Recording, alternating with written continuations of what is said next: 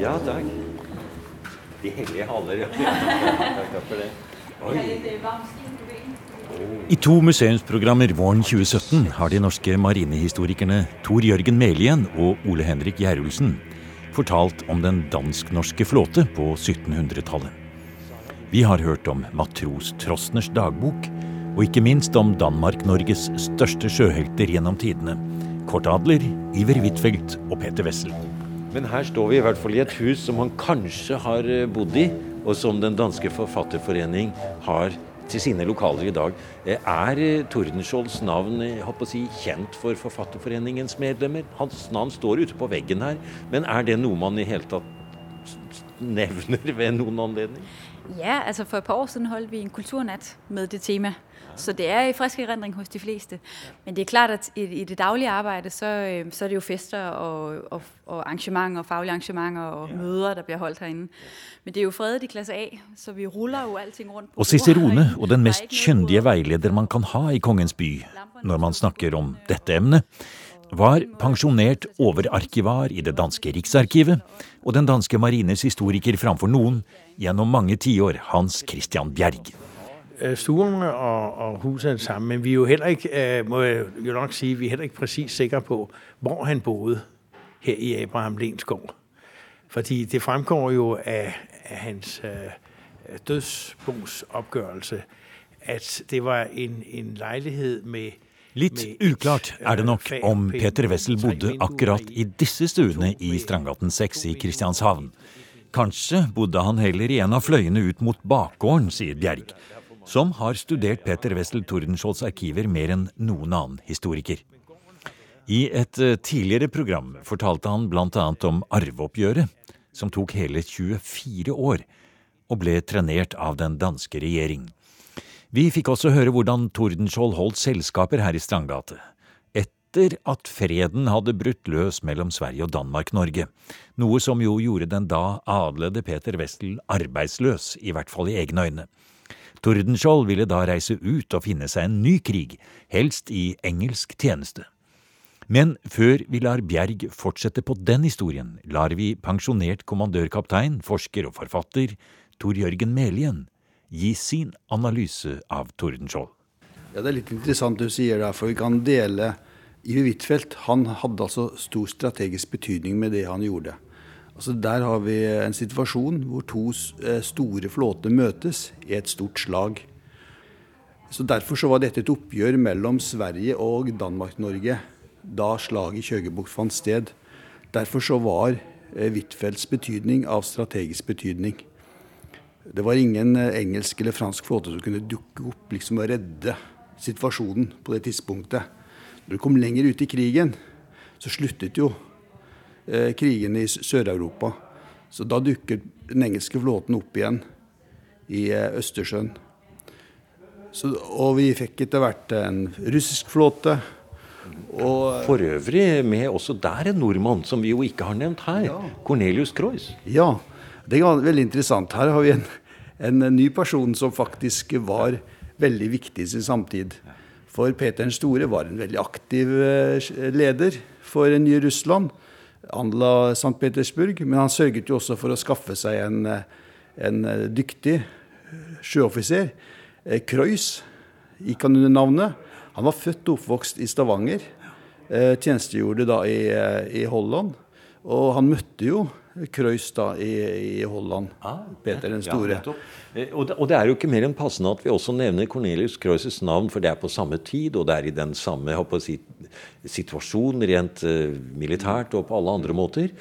Men siden vi nå står her i Tordenskiolds eh, hus, hvis du skulle da komme litt inn på Tordenskiolds militærstrategiske betydning. Du sier Iver Huitfeldt, hans innspill, det faktisk var med på å påvirke og beholde den maktbalansen som var i hele Europa. Men eh, hva med Tordenskiold? Ja, Der har vi en, en litt annen vinkling. Han var kan vi si, et taktisk geni.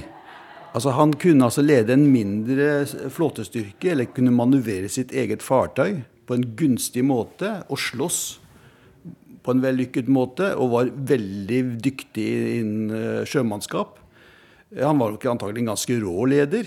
Han, de som tjenestegjorde under ham, måtte sikkert gjøre mer enn det de andre måtte gjøre. Men de fikk altså resultater. De kunne seile i all slags vær.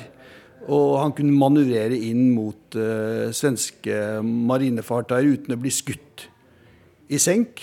Og kunne avgi ild fra gunstige vinkler og kunne oppnå resultater i mindre situasjoner, det vi kaller taktiske situasjoner.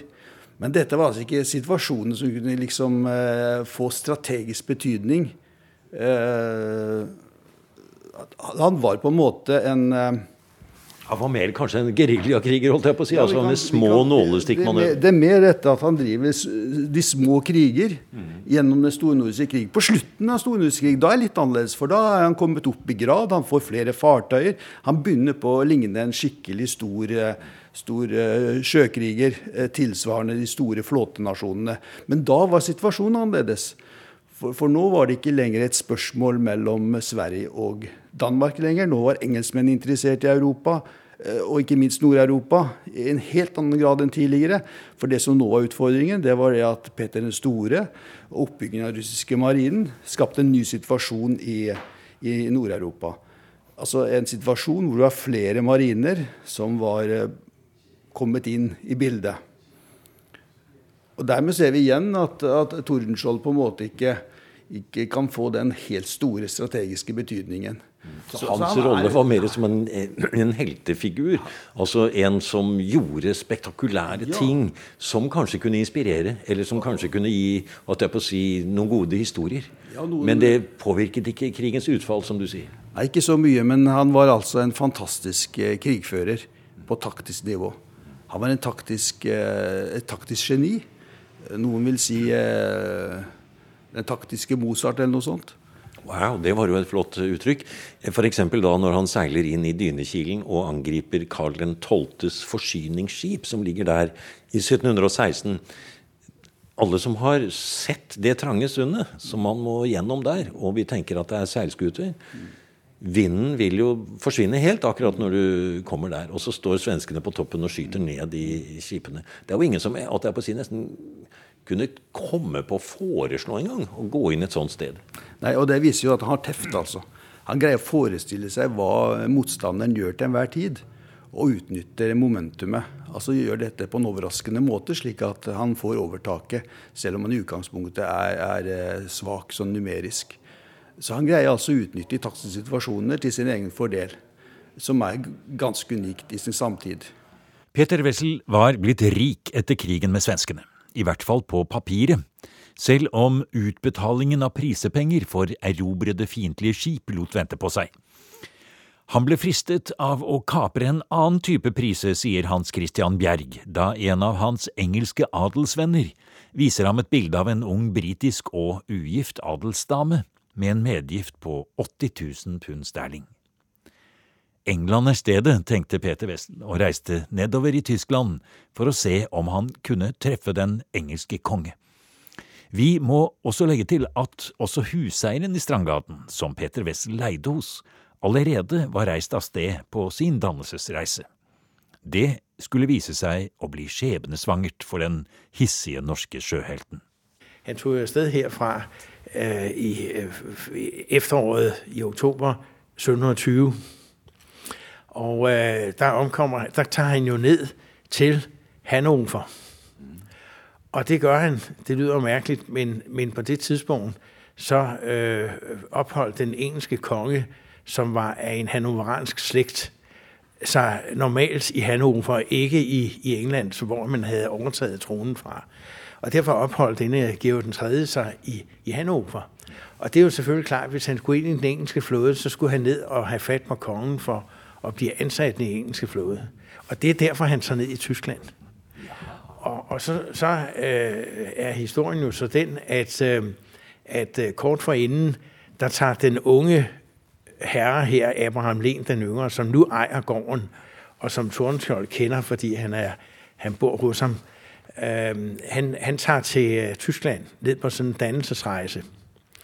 Og øh, i, øh, i øh, Hamburg, der får han så at vide, at øh, der er en ung mand, der hedder Abraham Len, som har tabt en masse penge, øh, fordi man har lavet noget falsk, falsk, falskneri spil med ham, og han er blevet lokket til det ved, at han skulle se en syvhovedet slange. Aha.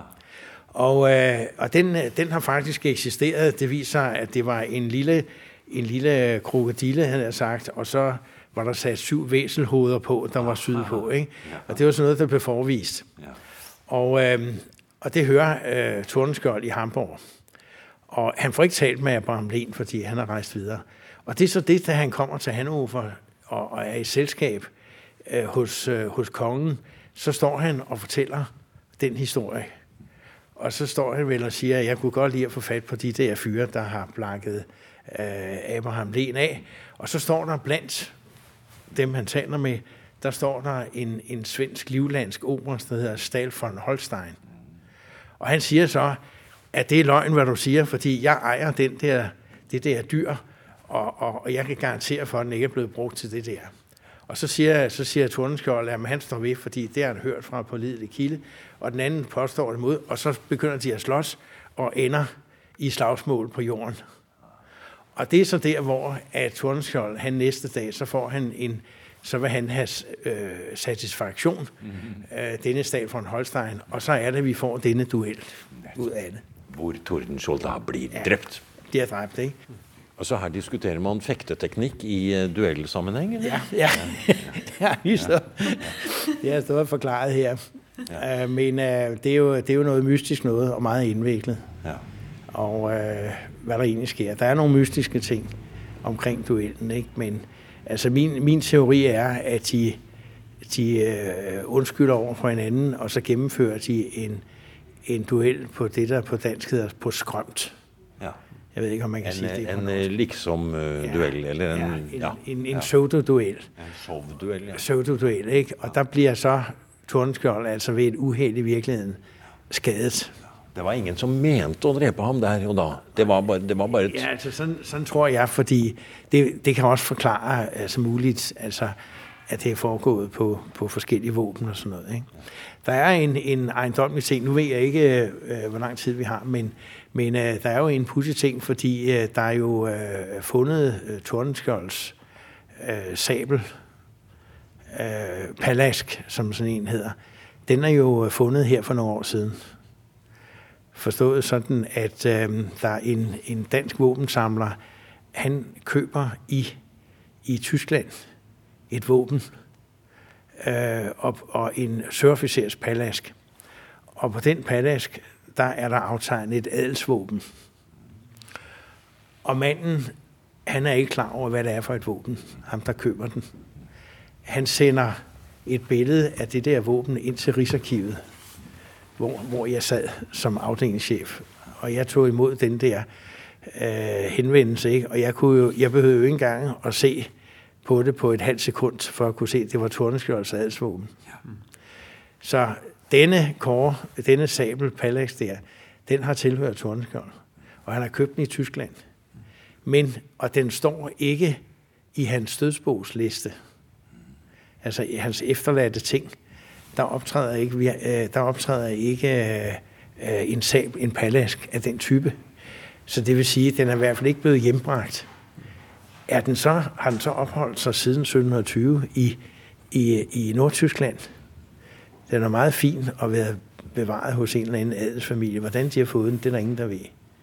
Og det er jo altså i øjeblikket sådan the missing link, fordi er det den, han har benyttet, og som nogen har sikret sig efterfølgende og opbevaret, og så optræder den i dag. Spennende. Det er jo også slik at uh, man overrekker sin sabel eh, når man anerkjenner uh, nederlag. Så kanskje er dette også et form for et uh, trofé som man får etter at Tordenskjold har falt med en kordeduell, f.eks. Det, det er helt klart. Men altså, det er jo, det er jo ikke blitt oppklart. Du har nå hørt en podkast av programmet Museum fra NRK P2. Og send gjerne en e-post til museum krøllalfa nrk.no.